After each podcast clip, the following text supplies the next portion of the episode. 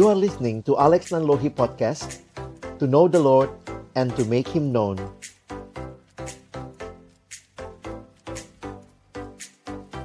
Sebelum kita membaca merenungkan firman Tuhan, mari kita berdoa. Kami datang dalam ucapan syukur pada pagi hari ini ya Tuhan karena di tengah-tengah kesempatan yang Engkau berikan, sungguh Tuhan Engkau baik. Engkau menyatakan kebaikanmu bagi kami kembali tahun ini kami merayakan kelahiranmu. Kami sadar betul di tengah-tengah kondisi yang tidak mudah ini, tapi kami percaya dan menikmati kasih dan penyertaan-Mu yang tiada berkesudahan di dalam kehidupan kami. Karena itu kami mau menyerahkan waktu ketika kami akan membuka firman-Mu. Bukalah juga hati kami, jadikanlah hati kami seperti tanah yang baik, supaya ketika benih firman Tuhan ditaburkan itu boleh sungguh-sungguh berakar, bertumbuh, dan juga berbuah nyata di dalam kehidupan kami.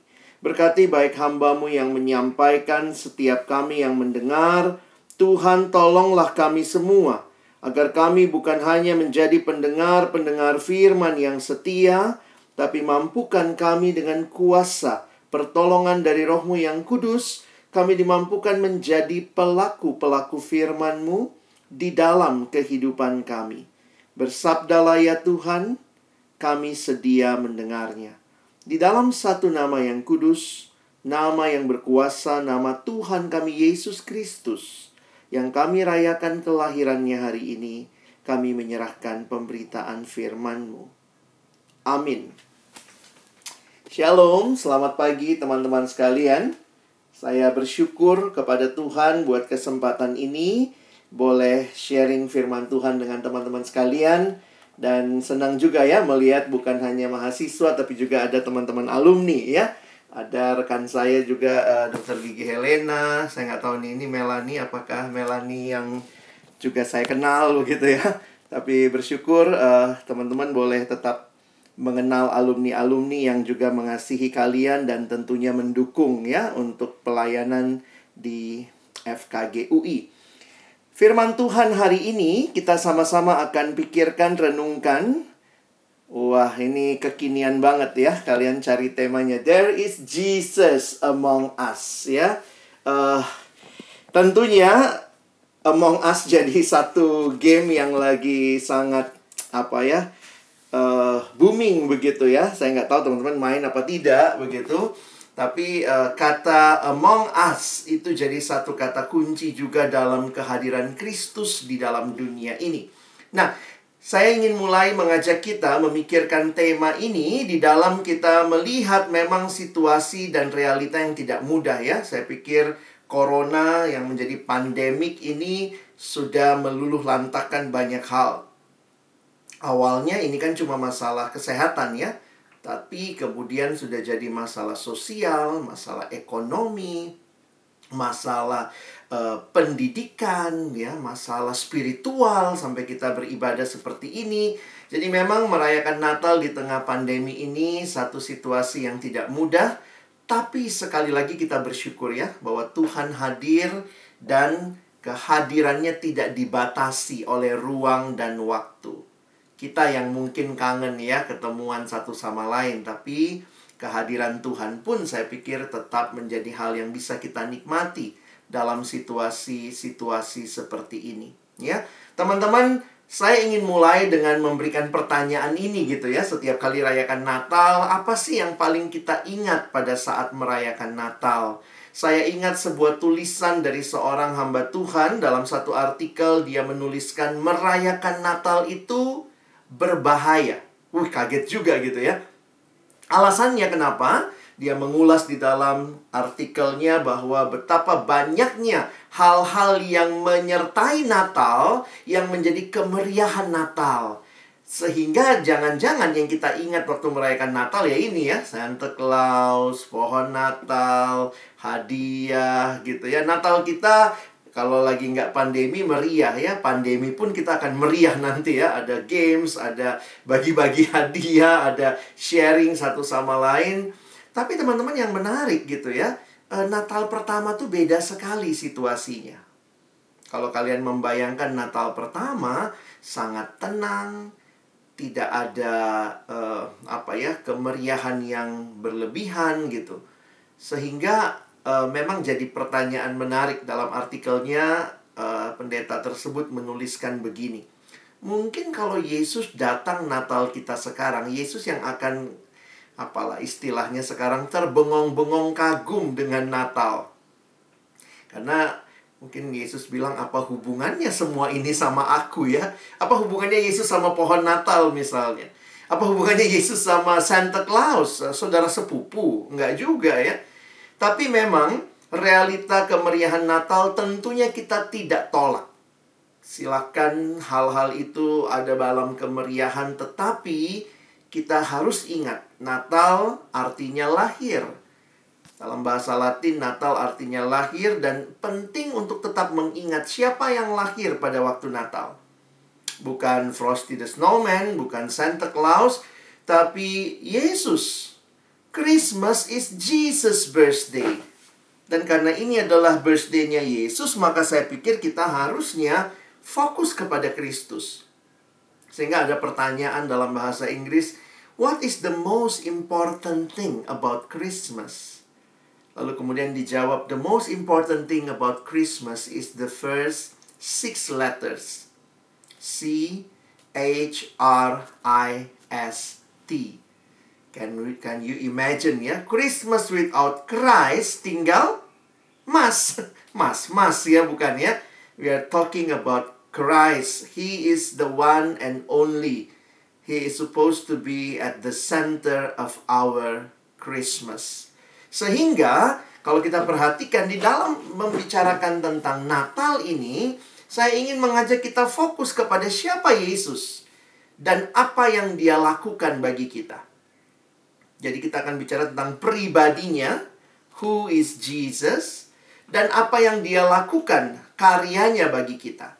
Sebenarnya ini terangkum dengan sangat baik saya pikir dalam pengakuan iman kita. Setiap hari Minggu di gereja-gereja kita berdiri, kita menyatakan pengakuan iman yang berpusat kepada pribadi Kristus, tapi juga menyatakan karyanya. Teman-teman nanti bisa lihat yang saya garis bawahi. Kita sering kali mengakui ini ya.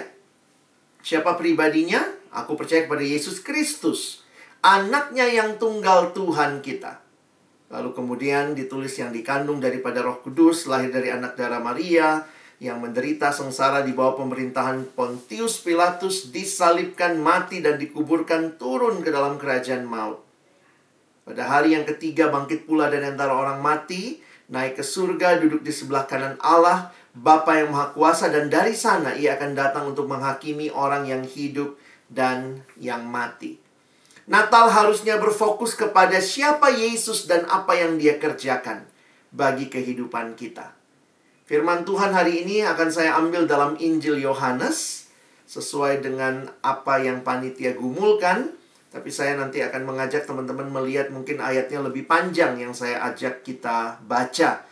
Injil Yohanes ini adalah gambaran potret Yesus Kristus dan pekerjaan keselamatannya teman-teman kalau perhatikan bahwa hanya dua kitab Injil sebenarnya yang mencatat tentang kelahiran Yesus, yaitu Injil Matius dan Injil Lukas. Markus tidak mencatat kelahiran langsung kepada pelayanan Yesus. Dan menarik sekali, Injil Yohanes pun tidak mencatat kelahiran Yesus, tetapi mencatat yang disebut dengan praeksistensi Yesus. Siapa Yesus sebelum dia datang ke dalam dunia. Itulah yang dituliskan di dalam Injil Yohanes. Dan memang semua Injil, termasuk Injil Yohanes, berfokus kepada tiga tahun terakhir hidup dan pelayanan Yesus yang berfokus kepada kematian dan kebangkitannya. Jadi ini menarik untuk kita perhatikan. Kalau ditanya faktanya memang tidak semua Injil bicara kelahiran. Tetapi semua kitab Injil, empat-empatnya berbicara tentang kematian dan kebangkitan Kristus. Karena itu, inilah yang juga menjadi sentral di dalam iman kita. Nah, Injil Yohanes dikatakan dimulai dengan sebuah prolog atau yang kita sebut sebagai pendahuluan untuk mengantar kita membaca seluruh Injil Yohanes, ya. Nah, prolognya ini menarik ya. Kita akan baca sama-sama di dalam Yohanes 1 ayat 1 sampai 14. Karena tidak menceritakan siapa Yesus waktu dia sudah datang ke dalam dunia, tapi menceritakan siapa Yesus sebelum dia datang. Makanya dikatakan praeksistensi Yesus. Nah, kenapa penting Injil Yohanes pasal 1? Karena Injil Yohanes pasal 1 menjadi pengantar untuk kita mengerti seluruh Injil Yohanes. Nanti abang coba kasih contohnya ya. Kita baca dulu. Yohanes 1 ayat 1 sampai 14. Saya sudah tulis seluruh ayatnya ada di screen. Jadi teman-teman bisa mengikuti. Pada mulanya adalah firman. Firman itu bersama-sama dengan Allah dan firman itu adalah Allah. Ia pada mulanya bersama-sama dengan Allah. Segala sesuatu dijadikan oleh dia dan tanpa dia. Tidak ada sesuatu pun yang telah jadi dari segala yang telah dijadikan. Di dalam dia ada hidup dan hidup itu adalah terang manusia. Terang itu bercahaya di dalam kegelapan dan kegelapan itu tidak menguasainya. Datanglah seorang yang diutus Allah namanya Yohanes. Ia datang sebagai saksi untuk memberi kesaksian tentang terang itu. Supaya oleh dia semua orang menjadi percaya.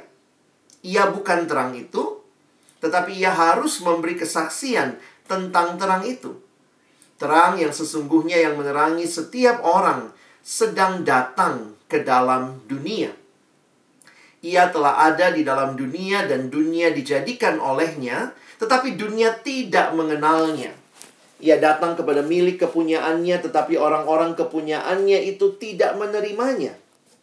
Tetapi semua orang yang menerimanya diberinya kuasa supaya menjadi anak-anak Allah, yaitu mereka yang percaya dalam namanya.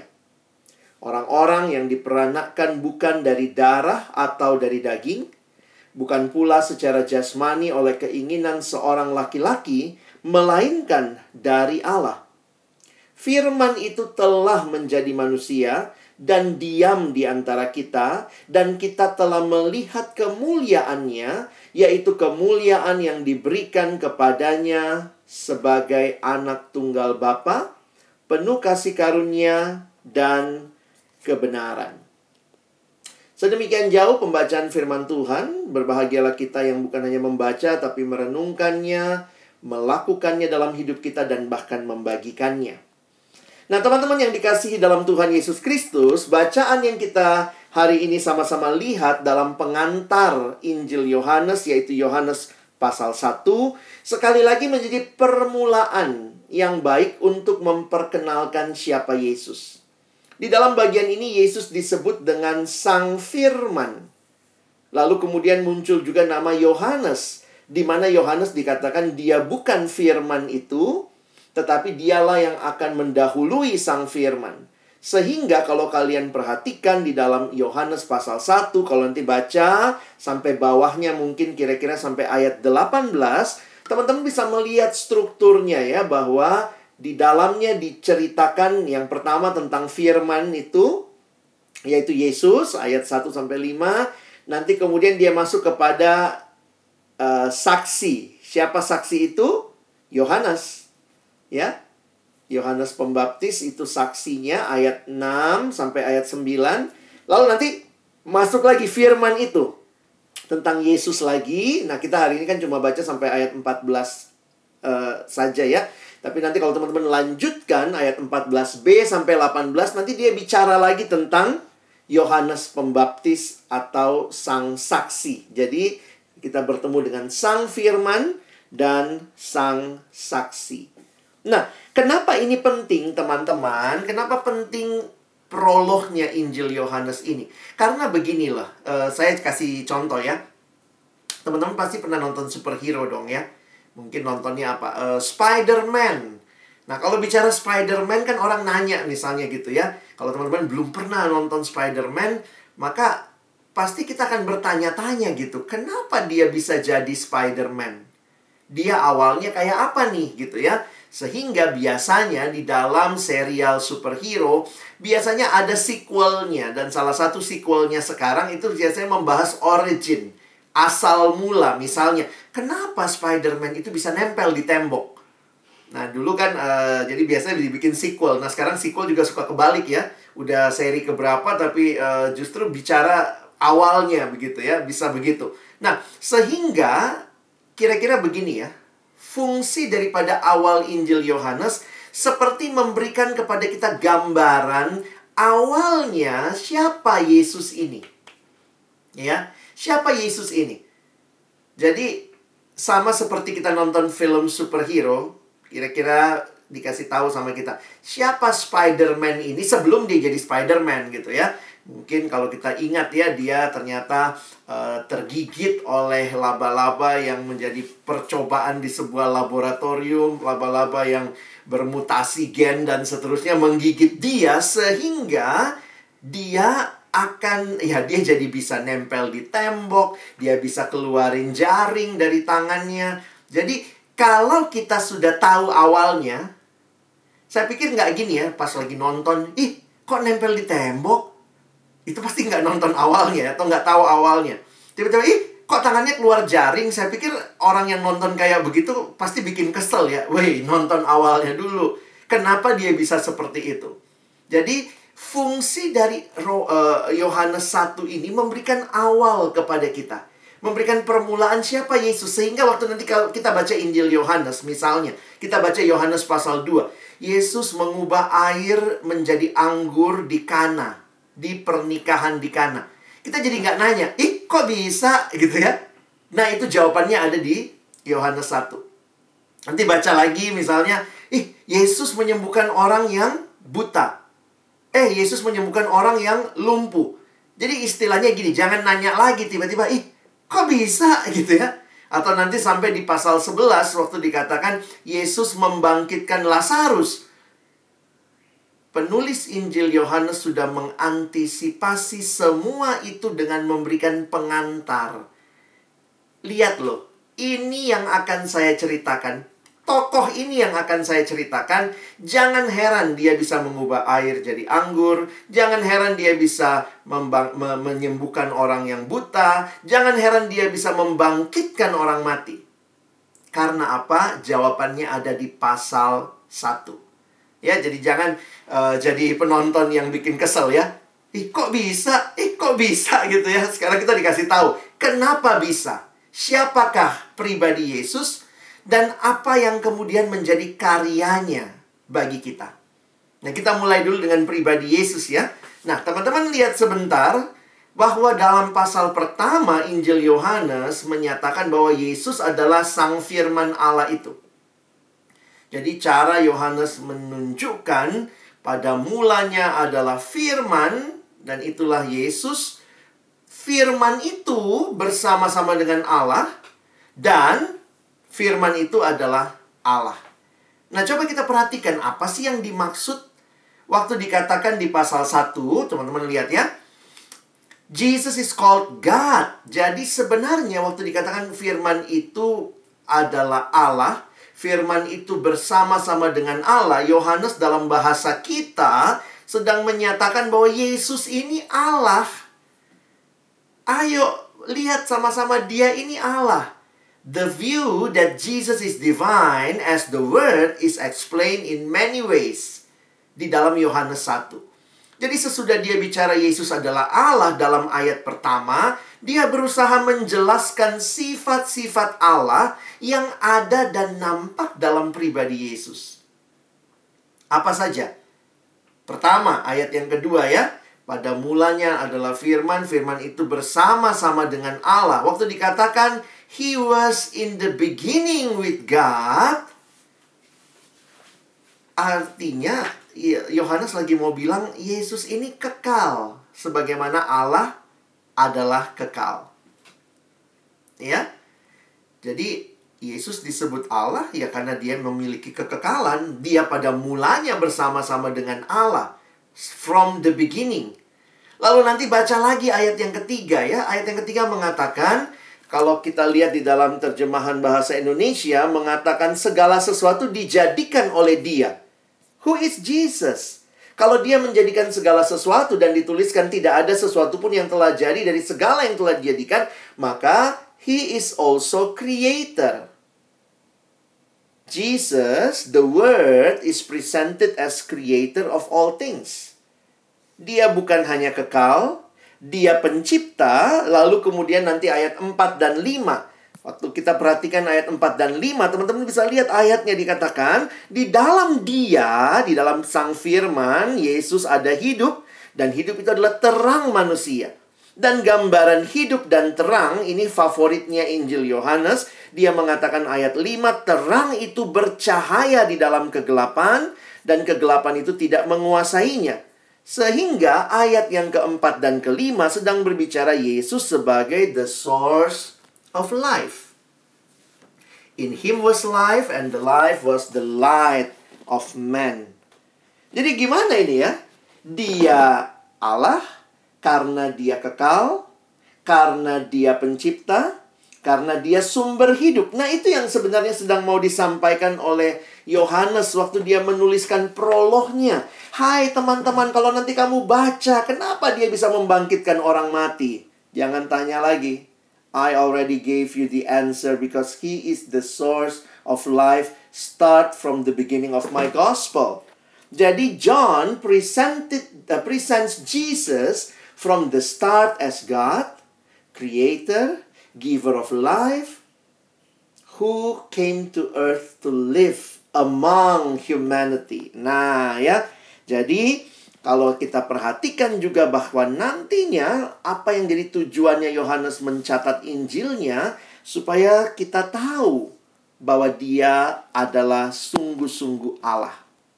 Nah, kira-kira sampai di situ kita melihat bahwa Yesus adalah Allah pencipta, sumber hidup, dia adalah kekal. Nah, di ayat yang ke-14, perhatikan.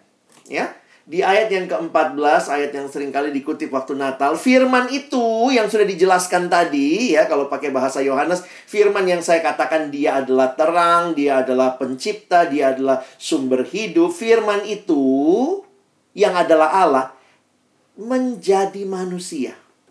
Telah menjadi manusia dan bukan cuma jadi manusia, diam di antara kita. Sebenarnya apa yang mau disampaikan? Yesus sungguh-sungguh manusia. Dia bukan jadi-jadian, teman-teman ya. Bukan.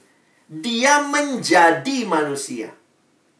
Wah, ini sesuatu di luar kemampuan nalar kita. Tapi yang mau disampaikan, kalau semua agama punya Allah, semua agama menceritakan tentang Allahnya, tapi kekristenan bicara bahwa Allah kita itu memilih untuk menjadi manusia di dalam putranya Yesus Kristus. Itulah Natal. Awal atau permulaan dari karya kasihnya Allah. Dia bukannya Allah lalu berkurang jadi manusia, bukan. Tetapi dia Allah lalu kemudian jadi manusia sehingga Yesus adalah Allah sejati sekaligus manusia sejati. Sehingga waktu kita membaca dalam Injil Yohanes misalnya, waktu dikatakan Yesus haus di Yohanes pasal 4. Saya pikir orang-orang akan nggak bertanya, ih kok bisa haus? Ya karena dia juga manusia gitu ya. Waktu kita baca, kenapa dia bisa membangkitkan orang mati? Ya karena dia Allah. Tapi kemudian kita lihat sebelum membangkitkan Lazarus, Yesus melihat batu itu, lalu Yesus menangis. Loh, kok dia bisa nangis? Karena dia juga manusia. Jadi teman-teman, inilah kepentingan awal dari Injil Yohanes memberikan prolog kepada kita bahwa yang akan kita baca sepanjang kitab Injil itu adalah pribadi yang Allah sejati dan manusia sejati.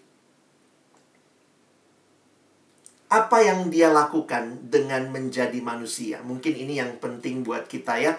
Karena Tuhan Yesus kan jadi Allah, jadi manusia. Emangnya apa sih tujuannya? Di sinilah kita belajar apa karyanya Yesus jadi manusia. Emangnya Yesus datang ke dunia apa? Studi-studi tur, studi banding. Aduh, kurang kerjaan di surga gini-gini aja. Ah, jalan-jalan ah ke bumi gitu ya. Saya pikir dia tidak sedang iseng, teman-teman, tetapi dia punya karya yang dia genapkan. Dan itu digambarkan dengan sangat indah juga di bagian awal Injil Yohanes. Dikatakan terang itu bercahaya di dalam kegelapan dan kegelapan tidak menguasainya. Memang kemudian dijelaskan tentang Yohanes Pembaptis. Itulah lanjutannya ayat 6 sampai ayat 8. Tapi bagi saya, penjelasan tentang Yohanes ini justru juga memberikan kita pemahaman tentang siapa Yesus yang disaksikan oleh Yohanes. Datanglah seorang yang diutus Allah, namanya Yohanes. Ia datang sebagai saksi untuk memberikan kesaksian tentang terang itu. Supaya oleh dia, oleh Yohanes, semua orang menjadi percaya. Ini kata kunci juga dalam Injil Yohanes. Lalu perhatikan kalimatnya, Yohanes bukan terang itu. Tapi ia harus memberi kesaksian tentang terang itu. Dan dituliskan di ayat 9, terang yang sesungguhnya yang menerangi setiap orang sedang datang dalam dunia. Kalau teman-teman membaca Injil Yohanes, kalian akan bertemu dengan uh, dua atau ini istilahnya disebut sebagai dalam teologi disebut sebagai dialektika. Ya, ini khasnya Injil Yohanes ya. Misalnya dia selalu ngomong terang, gelap, uh, hidup kekal, binasa gitu ya. Uh, dosa, kebenaran. Nah, itu yang disebut dalam Injil Yohanes dialektika, selalu muncul dua sisi ini. Jadi, ketika digambarkan tentang hal ini, apa yang sedang ditegaskan? Ini yang ayat 4 dan 5 tadi. Di dalam dia ada hidup, dan hidup itu adalah terang manusia. Emangnya ada apa sih? Kenapa perlu terang? Terang itu bercahaya dalam kegelapan dan perhatikan, kegelapan itu tidak menguasainya. Teman-teman yang kekasih dalam Tuhan, kehadiran Yesus di dalam dunia bukan cuma sedang datang lagi studi tour, studi banding, jalan-jalan, pengen lihat mall. No. Tapi ada satu hal yang sangat mengerikan, yaitu kegelapan yang kemudian kehadirannya itu memberikan pengharapan, memberikan cahaya karena dosa begitu gelap, begitu mengerikan. Tidak heran kalau kita membaca di dalam Alkitab, kita melihat upah dosa ialah maut. Teman-teman, ini pergumulan seluruh manusia. Actually, this is the real pandemic. Teman-teman, siapa yang berdosa? Alkitab berkata, semua manusia berdosa corona masih ya masih lebih mild lah dalam hal ini ya. Karena memang sedunia kena tapi kan nggak semua orang. Tapi kenapa kita bilang sedunia? Karena hampir di setiap tempat di dunia ini ada yang kena. Tapi sin is the real pandemic. Semua kena tanpa kecuali. Mau tua mau muda mau miskin mau kaya mau pendidikan tinggi pendidikan rendah mau laki-laki mau perempuan semua kena. Sin is the real pandemic. Dan kalau kita melihat corona saja bikin orang meninggal dunia begitu menyedihkan. Tapi dosa ini jauh, jauh lebih menyedihkan. Membuat kita semua berakhir pada maut. Karena itu waktu melihat terang itu teman-teman Wow, saya ingat lagi ya. Coba lihat ayat ini ya. Saya coba hayati ya. Dalam dia ada hidup dan hidup itu adalah terang manusia. Dan terang itu bercahaya di dalam kegelapan dan perhatikan. Kegelapan itu tidak menguasainya.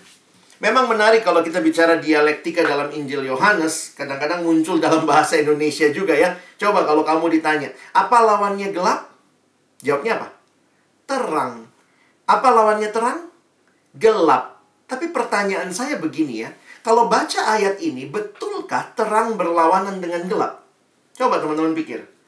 Terang apakah berlawanan dengan gelap? Mungkin kalau dalam antonim bahasa Indonesia tetaplah terang, gelap. Gelap, terang. Tapi lihat kalimatnya. Kalau terang bercahaya dalam kegelapan dan kegelapan itu tidak menguasainya. Saya lagi coba mikir gitu ya. Kalau terang dan gelap itu sama kuat. Nah, coba perhatikan ilustrasinya ya.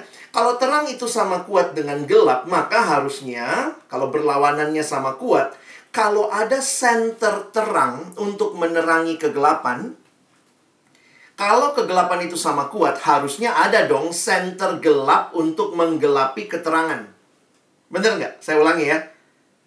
Kalau benar terang sama gelap itu berlawanan sama kuat, harusnya ada center terang untuk menerangi kegelapan, lalu nanti harusnya ada dong lawannya, center gelap untuk menggelapi keterangan. Tapi begitukah yang terjadi? No. Uh, abang punya ilustrasi ya, nanti kalian coba simpulkan. Ini cerita tentang gua. Uh, uh, gua bukan gue, goa, goa ya. Ini cerita tentang goa ya. Jadi bayangkan begini ya, uh, di satu waktu ada sebuah gua yang tinggal di dasar bumi yang gelap dan dingin. Nah ini cerita lah. Lalu gua ini satu waktu dapat undangan teman-teman dari sahabatnya matahari. Dan matahari itu tinggal di permukaan bumi. Matahari mengundang gua karena gua belum pernah naik ke permukaan bumi. Matahari mengundang gua, datanglah ke tempatku, aku akan tunjukkan keindahan di permukaan bumi. Hari yang disepakati tiba, gua pun pergi menemui matahari yang tinggal di permukaan bumi dan pertama kalinya gua kagum. Dia ditunjukkan keindahan seluruhnya di permukaan bumi. Matahari ajak gua jalan-jalan, Nah, sore menjelang, gua harus kembali ke rumahnya di dasar bumi yang gelap dan dingin. Nah, kemudian saking terpesonanya dengan semua yang dia lihat, gua merasa berhutang budi kepada matahari. Akhirnya dia mengirimkan undangan balasan. Ya, dia kirim undangan balasan mat gitu ya, mat matahari, datanglah ke rumahku. Menarik sekali, matahari juga memang sudah lama pengen ke rumahnya gua karena matahari penasaran, ya dia belum pernah lihat kegelapan. Jadi kemudian hmm, gua bilang, "Datanglah ke rumahku, aku akan tunjukkan apa yang kamu pingin lihat." Hari yang disepakati tiba. Ah, kemudian matahari datang mengunjungi gua di rumahnya di dasar bumi yang gelap dan dingin.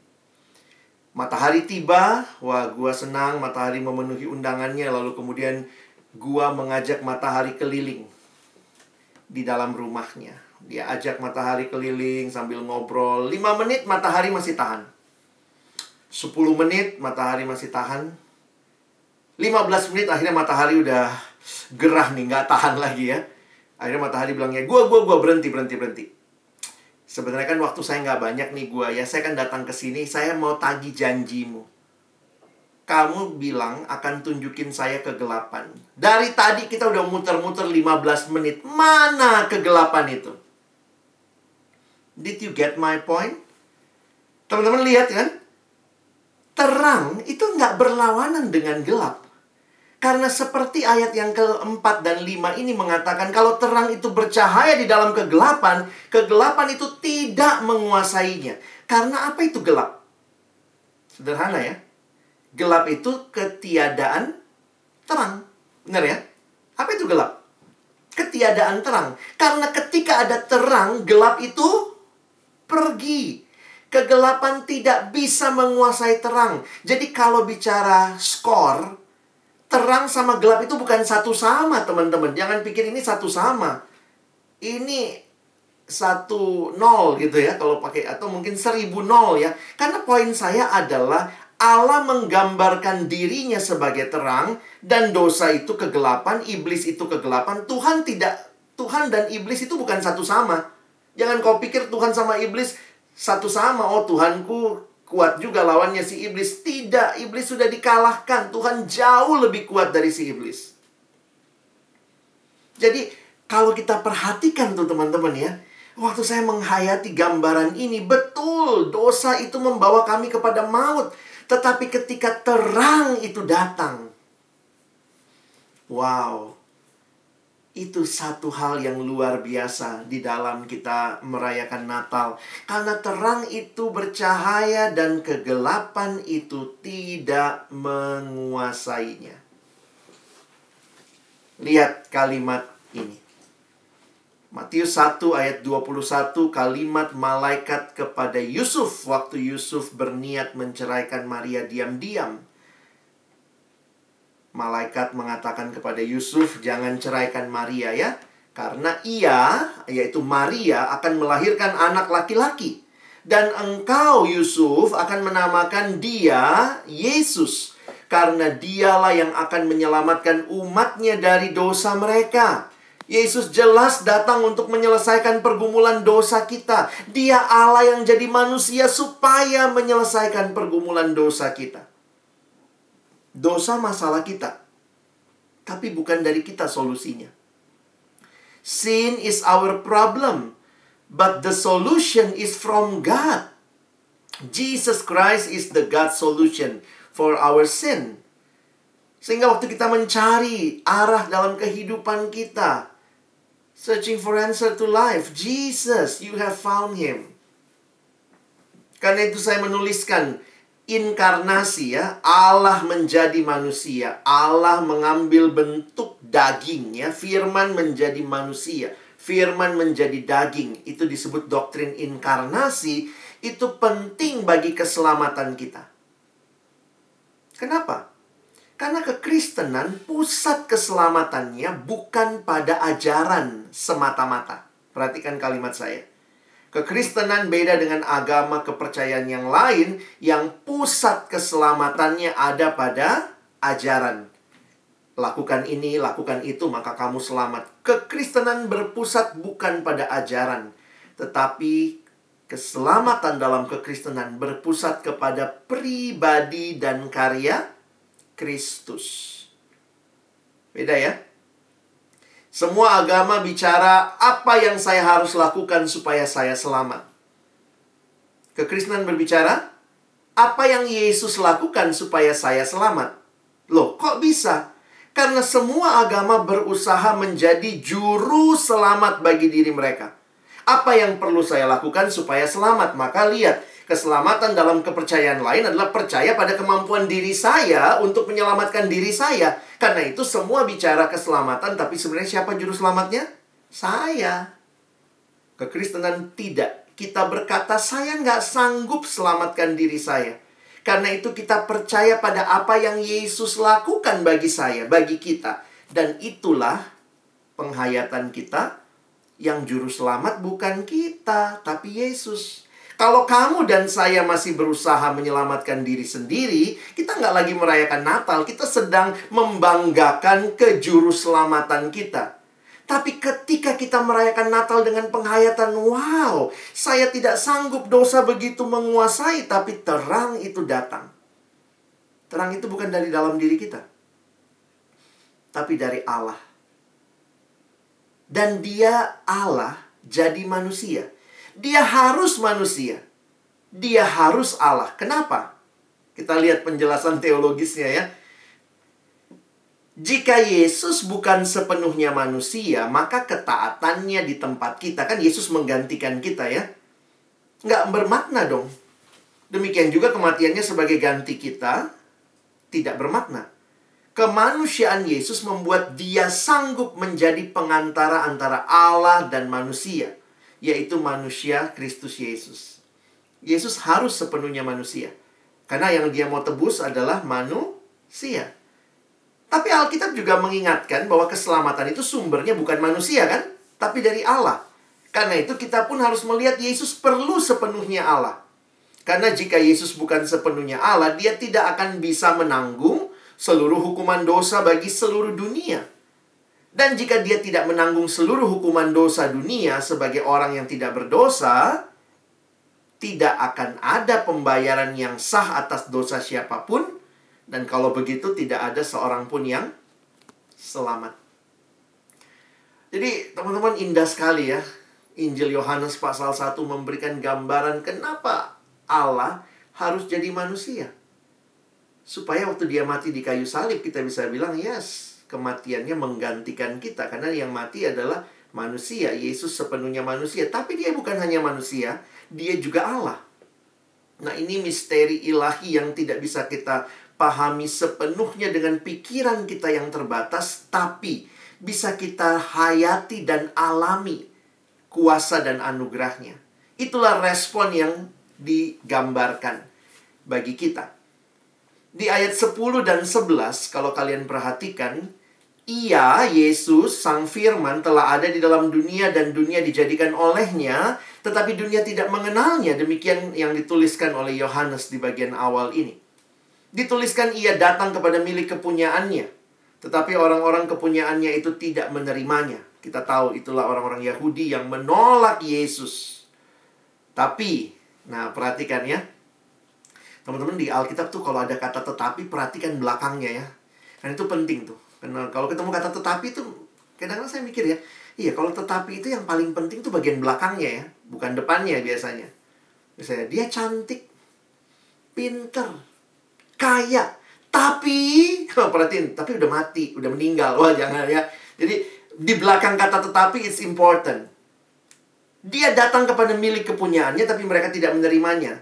Tetapi semua orang yang menerimanya diberinya kuasa supaya menjadi anak-anak Allah, yaitu mereka yang percaya kepada dalam namanya, orang-orang yang diperanakkan bukan dari darah atau dari daging, bukan pula secara jasmani oleh keinginan seorang laki-laki, melainkan dari Allah. Perhatikan kata kuncinya sebenarnya dua ya, menerima dan percaya. Atau boleh saya ilustrasikan kalau kalian mengerti ayat ini, menerima itu ya percaya. Percaya itu ya menerima. Nah, bagi siapa ini? Perhatikan ayat ini baik-baik. Semua orang yang menerimanya diberinya kuasa supaya menjadi anak-anak Allah. Siapakah yang menerimanya? Yaitu mereka yang percaya dalam namanya. Kenapa Yohanes tulis Injilnya? Kenapa dia jelaskan Yesus Allah yang jadi manusia? Apa sih yang dia mau presentasikan kepada kita? Dia mau menyatakan bahwa terimalah dia. Dialah juru selamatmu. Percayalah kepada dia. Jangan pede. Jangan percaya pada dirimu sebagai juru selamat. Stop jadikan dirimu juru selamat. Natal membungkam kesombongan kita yang berpikir saya bisa jadi juru selamat. Natal memberikan pemahaman kepada kita. No, we need the Savior because we are not the savior. Karena itu Yohanes sampai tulis Injilnya dia jelaskan tentang Yesus, dia ingatkan, terima dia. Kalau kamu terima dia, kamu jadi anak Allah. Dan itu bukan hanya di awal ya. Ini ingat ya, Yohanes 1 ayat 12. Di akhir Injil Yohanes, Yohanes bahkan merangkum apa tujuannya dia tulis semua ini. Perhatikan. Tujuan Injil Yohanes jelas, ini Yohanes 20. Kalau kalian lihat di Alkitab cetak dituliskannya itu ya tujuan Injil ini dicatat. Memang masih banyak tanda lain yang dibuat Yesus di depan mata murid-muridnya yang tidak tercatat dalam kitab ini. Namun semua yang tercantum di sini telah dicatat. Jadi semua yang dicatat Yohanes dari Yohanes pasal 1, dia catatin semua itu buat kita supaya kamu percaya bahwa Yesuslah Mesias. Mesias artinya juru selamat, artinya Tuhan yang dijanjikan, yang diurapi oleh Allah. Mesias, anak Allah. Dan supaya oleh imanmu memperoleh hidup dalam namanya. Kenapa kita merayakan Natal yang dituliskan oleh Yohanes? Supaya kita percaya Waktu engkau percaya pada Kristus, engkau mengalami karyanya. Engkau mengalami hidupmu yang gelap diteranginya. Engkau mengalami hidupmu yang tidak ada pengharapan, diberikan pengharapan. Engkau mengalami hidup yang harusnya binasa. Yohanes 3:16. Supaya setiap orang yang percaya, makanya saya bilang ini kata penting dalam Injil Yohanes. Supaya setiap orang yang percaya, Yohanes 3:16, tidak binasa, melainkan beroleh hidup yang kekal. Wah, indah sekali, teman-teman. Saya makin menghayati Natal adalah keindahan karya Allah. Tapi kiranya kita pun meresponinya dengan percaya.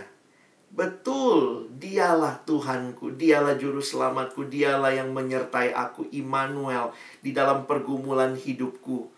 Dia tidak pernah meninggalkan aku. Responnya apa? Tuhan mau kita percaya dan alami hidup kekal. Jadi teman-teman, bagaimana seharusnya kita merayakan Natal? banyak pernak-pernik yang berbahaya mengalihkan fokus kita. Tapi saya ingat lagu ya, kita suka nyanyi Hai dunia, gembiralah dan sambut rajamu di mana? Kita sambut dia di hatimu. Terimalah. Bagaimana merayakan Natal ya? Ayo prepare your heart for Christmas. Tanya lagi nih, saya udah buka hati nggak untuk Tuhan Yesus sebagai Tuhan dan Juru Selamatku satu-satunya? Christmas is not so much about opening presents as opening our hearts. Seperti sebuah pujian yang saya sedang senang sejak di PO kami kenal ini ya. Dalam generasi yang lalu juga sering dinyanyikan. Hampir setiap Natal pernah booming sekali lagu ini ya. Christmas isn't Christmas till it happens in your heart. Somewhere deep inside you is where Christmas really start. So give your heart to Jesus. You'll discover when you do that Christmas really Christmas for you. Natal hanya akan menjadi Natal yang indah kalau terjadi di hati kita. Kalau Natal cuma bawa perubahan berat badan gitu ya. Dari yang uh, kurus karena pandemi plus Natal tambah gendut, that is not the real Christmas. Kan lagunya ganti kalau gitu ya. Hai dunia gembiralah dan sambut makanan di perutmu. Terimalah That is not the Christmas. Buka hati terima Yesus. Alami karyanya. Dan kalau dia ada di dalam hidup kita, perhatikan kalimat ini.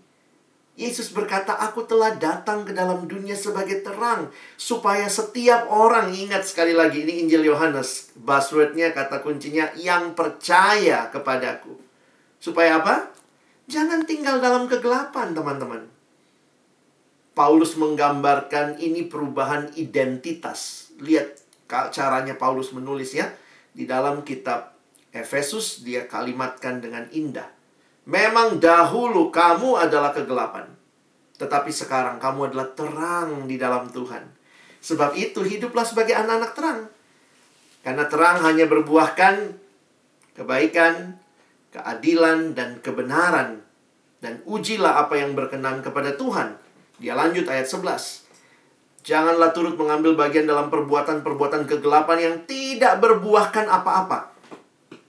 Kalau terang ada buahnya, kegelapan nggak ada buahnya, nggak berbuahkan apa-apa. Tetapi sebaliknya, telanjangilah perbuatan-perbuatan itu. Kenapa? Karena terang punya fungsi yang aktif bisa menerangi. Sebab menyebutkan saja pun yang dibuat oleh mereka di tempat-tempat yang tersembunyi telah memalukan. Tapi segala sesuatu yang sudah ditelanjangi oleh terang itu menjadi nampak sebab semua yang nampak adalah terang. Ya sama ya. Terang sama gelap nggak berlawanan. Kalau kalau terang ada, tampak semua. Saya pikir ayo sama-sama kita benar-benar hidup jadi anak terang. Jangan lagi tinggal dalam dosa. Itu yang Yesus selesaikan waktu dia datang ke dalam dunia. Sehingga kalau kita masih bergumul dengan dosa, itu pergumulan seumur hidup. Tapi mari kita bangkit bukan terus-menerus tinggal diam di dalam dosa. Yesus datang among us as light, so we will never stay in our sin. Hiduplah sebagai anak-anak terang. Ada lagu Indonesia itu ya, tetaplah menjadi bintang di langit gitu ya saya pikir dia apa kutip Alkitab tapi salah ngutip kali ya. Ayatnya bukan begitu ya. Coba lihat Filipi 2 ayat 15 ya. Supaya kamu tiada beraib dan tiada bernoda sebagai anak-anak Allah yang tidak bercela di tengah-tengah angkatan yang bengkok hatinya dan yang sesat ini. Sehingga kamu bercahaya di antara mereka seperti Wah ini menarik ya, bukan tetaplah menjadi bintang di langit. Jadi bintang-bintang di dunia we need to be God's light in this world. Kenapa kita di, adanya di dunia kok bukan di langit ya? Karena itu mari hidup berbeda dengan dunia. Punya perbedaan. Cara belajarmu kalau kamu mengalami saya anak Allah. Apa bedanya? Bagaimana engkau belajar mempersiapkan, memberikan yang terbaik kepada Tuhan. Belajar bagi kemuliaan Tuhan, bukan cuma belajar kalau mau ujian, belajar untuk tes aja, tapi benar-benar belajar bagaimana supaya melalui profesimu nanti Tuhan pakai kau jadi berkat bagi banyak orang. Caramu bergaul menunjukkan kamu bukan anak-anak yang mengikuti pergaulan yang salah. Ikut apa yang Tuhan mau. Kalau kamu sudah pacaran, cara berpacaranmu juga berbeda. Ya, bukan lagi jadi pacaran dalam ketidakkudusan karena terang itu mengenyahkan kegelapan. Ada kebenaran di situ. Saya senang gambar ini ada tulisan kecil di bawahnya ya. Harus di zoom dulu baru kelihatan. True love waits, but di bawahnya save it until marriage. Karena itu bagian terakhir yang saya ingin sharingkan saya pernah bertanya gitu, Tuhan jadi sebenarnya siapa terang dunia? Karena Yesus kan ngomong ya, akulah terang dunia. Tapi menarik juga, di Matius Yesus bilang, kamulah terang dunia. Jadi kita atau Yesus yang terang dunia ya. Tapi kalimat di Yohanes 8 ayat 12 ini memberikan petunjuk buat kita. Karena Yesus berkata, akulah terang dunia. Jelas, Yesus terang dunia. Barang siapa mengikut aku, ia tidak akan berjalan dalam kegelapan. Tapi ia akan mempunyai terang hidup. Oh, jadi akhirnya saya mengerti bahwa ketika dikatakan kita terang dunia, ingatlah, kita bukan sumber terang itu. Hanya Yesus yang sumber terang ya. Karena dialah sumber terang dan dialah terang yang sejati. Hanya kalau kita memiliki relasi dengan Kristus terus-menerus, maka terangnya akan bercahaya dan memancar dari hidup kita. Kita terang dunia, tapi kita bukan sumber terang. Karena itu biarlah kita terus memancarkan terang itu. Dan bagian terakhir yang saya coba pikirkan dan renungkan adalah kalau dia datang menyelamatkan kita. Apalagi sih yang dia bawa? Bagi saya inkarnasi Yesus menjadi teladan bagi pelayanan kita, ya. Teman-teman, pelayanan Yesus Yesus tidak melayani dari langit ya. Dia nggak kalau saya menghayati Alkitab bukannya Allah mengasihi kita karena ayatnya nggak bilang gini karena begitu besar kasih Allah akan dunia ini sehingga ia telah mengirimkan makalah tentang kasih. Bisa aja gitu kan? Tuhan kenapa kirimin anaknya? Dia kirimin aja makalah tentang kasih pelajari nanti ada ujian akhir. Atau tiba-tiba tertulis di apa di langit ya eh, Yohanes uh, 3:16 semua orang sedunia percaya ya. Tapi kenapa ya? Natal itu Allah betul-betul jadi manusia Seorang teolog bahkan mengatakan ini di luar kemampuan berpikir kita. Dia bilang, "Can you imagine creator jadi creation itu gimana logikanya?" Tapi itulah yang Allah pilih lakukan bagi kita supaya kita selamat. Dia bilang gini ya, creation eh creator jadi creation itu seperti begini bayangannya. Pembuat sepatu jadi sepatu. Itu gimana bayanginnya ya? Allah pencipta manusia jadi ciptaan, jadi manusia. Tapi ternyata bagi saya itu hanya bukan hanya demi keselamatan kita, tapi juga di dalam banyak bagian di Injil ini jadi teladan bagi pelayanan kita. Makanya ada istilah pelayanan yang inkar nasional. Maksudnya pelayanan yang benar-benar hadir. Teman-teman, profesi dokter gigi bagi kalian, saya pikir ini juga salah satu pelayanan kesempatan profesi yang sangat kuat aspek pelayanannya ya. Benar-benar hadir bagi orang-orang yang kita uh, tangani ya. Bayangkan kalian masukkan tangan ke mulut gitu ya dengan sarung tangan tentunya dan segala macam. Benar-benar tuh kalau mau dibayangkan gitu ya, uh, benar-benar masuk dalam hidup orang itu secara literally gitu ya you put your hands inside our mouth gitu ya. Tapi akhirnya saya menyadari bahwa kalau kalian jadi dokter gigi yang hanya melihat semua ini demi uang, demi kekayaan ya, dokter gigi banyak pasien, lihat uang berjalan gitu ya. Maka mungkin engkau tidak akan pernah bisa menyentuh hidup mereka. Tapi kalau kamu melayani mereka seperti Yesus yang menjadi sama dengan manusia, melayani dengan belas kasihan yang dalam. Saya jadi ingat lagu ini sebagai slide terakhir saya. Apa artinya pelayanan yang inkarnasional? Pelayanan yang benar-benar menyatu dengan orang yang dilayani. Ibu Astri Sinaga menuliskan lagu ini. Tuhan, kau pernah ada, real. You were among us. Kau pernah ada di tengah manusia berjalan di antara manusia berdosa, menyembuhkan yang luka, mengangkat yang jatuh, melepaskan yang terikat dalam dosa. Teman-teman hadir di dalam dunia ini. Jesus among us, so we will not live in sin anymore. But Jesus among us give us example how we should be among others supaya teman-teman juga hadir dalam dunia ini melalui profesimu. Baik yang alumni, sekarang kalian sudah lakukan itu. Dan bagi teman-teman yang mungkin akan, ya sebagian besar akan jadi dokter gigi gitu ya. Melalui kehadiranmu, orang bisa merasakan Yesus melalui hidupmu. Selamat Natal, alami Jesus among us So you can be among others as a blessing for many people. Dan alamilah memasuki tahun 2021 dengan berpegang pada Tuhan. Terus memandang, berharap kepada Dia. Dia Allah dan Dia manusia. Dia tahu pergumulan kita dan Dia sanggup membebaskan kita. Mari ambil waktu ini secara tenang meresponi firman Tuhan di dalam doa-doa pribadi. Adakah hal-hal yang Tuhan ingin ingatkan bagi saudara hari ini? Jika ada, datanglah pada Tuhan, sampaikan kepadanya. Bersyukur kepadanya.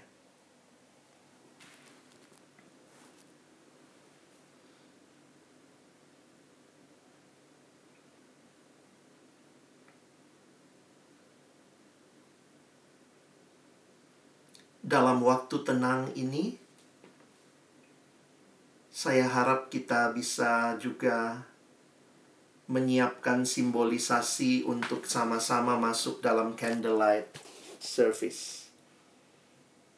Dalam candlelight service ini, kalau teman-teman ada lilin atau mungkin kalian ada flashlight dari HP kita akan meredupkan cahaya di tempat kita dan kita menyiapkan cahaya baik lilin maupun juga flashlight yang ada untuk sama-sama masuk ke dalam candlelight service.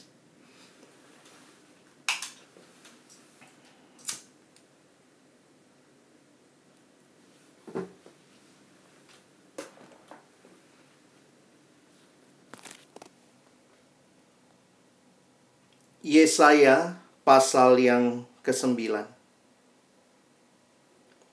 Bangsa yang berjalan di dalam kegelapan telah melihat terang yang besar. Mereka yang diam di negeri kekelaman, atasnya terang telah bersinar. Yesus yang lahir membawa terang, supaya engkau dan saya tidak lagi hidup di dalam kegelapan, tapi boleh menjadi saksi Tuhan, menyaksikan terang itu. Dan akhirnya, orang boleh datang dan melihat terang yang sejati. Jika memungkinkan, silakan nyalakan cam saudara. Angkatlah lilin atau flashlightmu. Pujian malam kudus akan menolong kita merefleksikan kehadiran kita menjadi terang di dunia ini. Mari merenungkan pujian ini.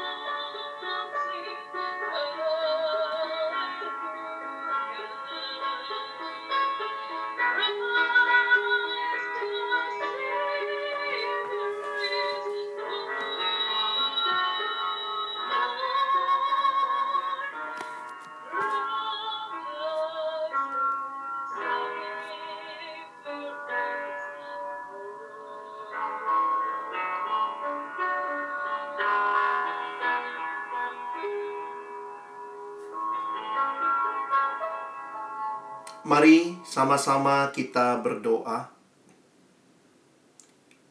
Ya Tuhan, yang kami rayakan kelahiranmu hari ini kami datang dalam ucapan syukur kepadamu. Terima kasih karena terang yang menerangi kegelapan itu telah datang ke dalam dunia.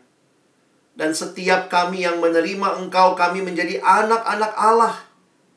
Yang di dalamnya kami boleh hidup bagi Allah dan juga jadi berkat bagi sesama biarlah terang yang kami nyalakan saat ini.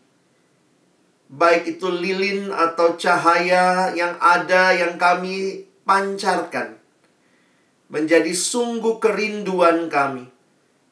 Karena Tuhan Yesus engkau sudah among us. Maka tolonglah kami juga berada di tengah dunia ini untuk membawa terangmu supaya orang boleh melihat cahaya itu dan datang kepada Kristus. Tolong kami yang mungkin masih bergumul dengan dosa-dosa tertentu yang begitu sulit kami tinggalkan, sangat kami cintai. Tapi biarlah kalau kami alami terang yang ilahi itu hadir di hati setiap kami. Dan kami dibimbing oleh firman-Mu hari demi hari yang kami baca dan renungkan. Karena firman-Mu juga adalah terang pelita bagi kaki kami, terang bagi jalan kami di tengah dunia yang gelap ini. Kami pada akhirnya boleh jadi anak-anak yang memuliakan Tuhan melalui kehidupan kami. Sekali lagi, biarlah Natal tahun ini kami maknai dengan sungguh-sungguh percaya pada Kristus dan hidup hanya bagi Kristus. Kami bersyukur, berterima kasih Tolong kami Tuhan, bukan cuma jadi pendengar firman yang setia, mampukan kami jadi pelaku-pelaku firman-Mu. Dalam nama Tuhan Yesus kami bersyukur, kami berdoa. Amin. Silakan boleh mematikan lilin